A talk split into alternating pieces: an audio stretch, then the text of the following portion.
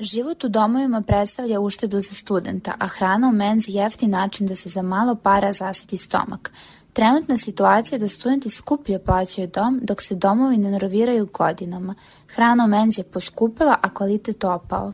Studentkinja Marija Bulić ističe da je smeštaj u domu i primanje studentskog kredita omogućilo studiranje u Novom Sadu. Što se prednosti tiče, konkretno u Novom Sadu, domovi se nalaze na jako dobrim lokacijama, blizu je centar, blizu je fakultet i blizu su mi prostori, ustanove koje ja posećujem.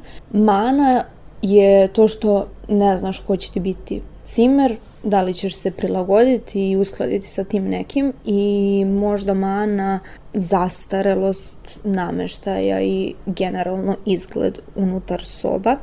Što se tiče uslova, stvarno za tu cenu ne možemo ni očekivati sad neki pretarano veliki luksuz. Lično mislim da je u Novom Sadu najveći problem manjak studentskih domova. Mislim da bi to jako značilo studentima koji su na samofinansiranju. Ja sam na budžetu pa imam tu mogućnost da, da živim u studentskom domu. Direktor Agencije za izdavanje stanova Gold Miodrag Tomić govori da često izdaje stanove studentima, ali da je najvažnija zaštita klijenata.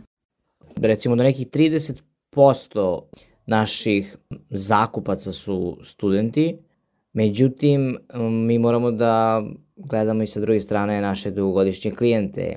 Dakle, mi imamo nekretnine e, od naših stalnih klijenata koji su zakupodavci i gledamo da ubacujemo studenta koji je pogotovo recimo ili druga godina samo ako se roditelj javi. Kada dođu roditelji, mi imamo mnogo veće šanse da uzmu nekretninu u zakup.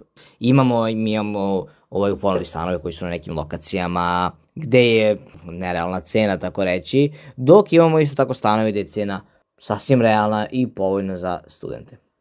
Teodora Ćulibrk, studentkinja koja živi u stanu, govori da je najveća poteškoća usklađivanje posla i studiranja. Što se tiče nekih mana života u stanu, to bi svakako bila kirija koja je u prethodne dve godine mnogo porasla i danas je jako teško naći neki pristojan stan za pristojan novac. Ja konkretno nemam stipendiju zato što nisam ostvarila uslove za stipendiju. Jako je teško nekako iskombinovati ukoliko si student koji radi, i iskombinovati fakultet i posao. Nismo svi, na primjer, iz Novog Sada ili Beograda. Dolazimo iz dosta manjih sredina koje samim tim imaju i manji standard i bukvalno je potrebno još jedna plata kako bi se isfinansirao život jednog studenta u drugom gradu.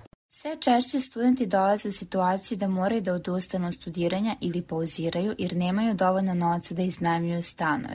Akcija Progresine Vojvodine smatra da su u Novom Sadu neophodni dodatni studentski domovi.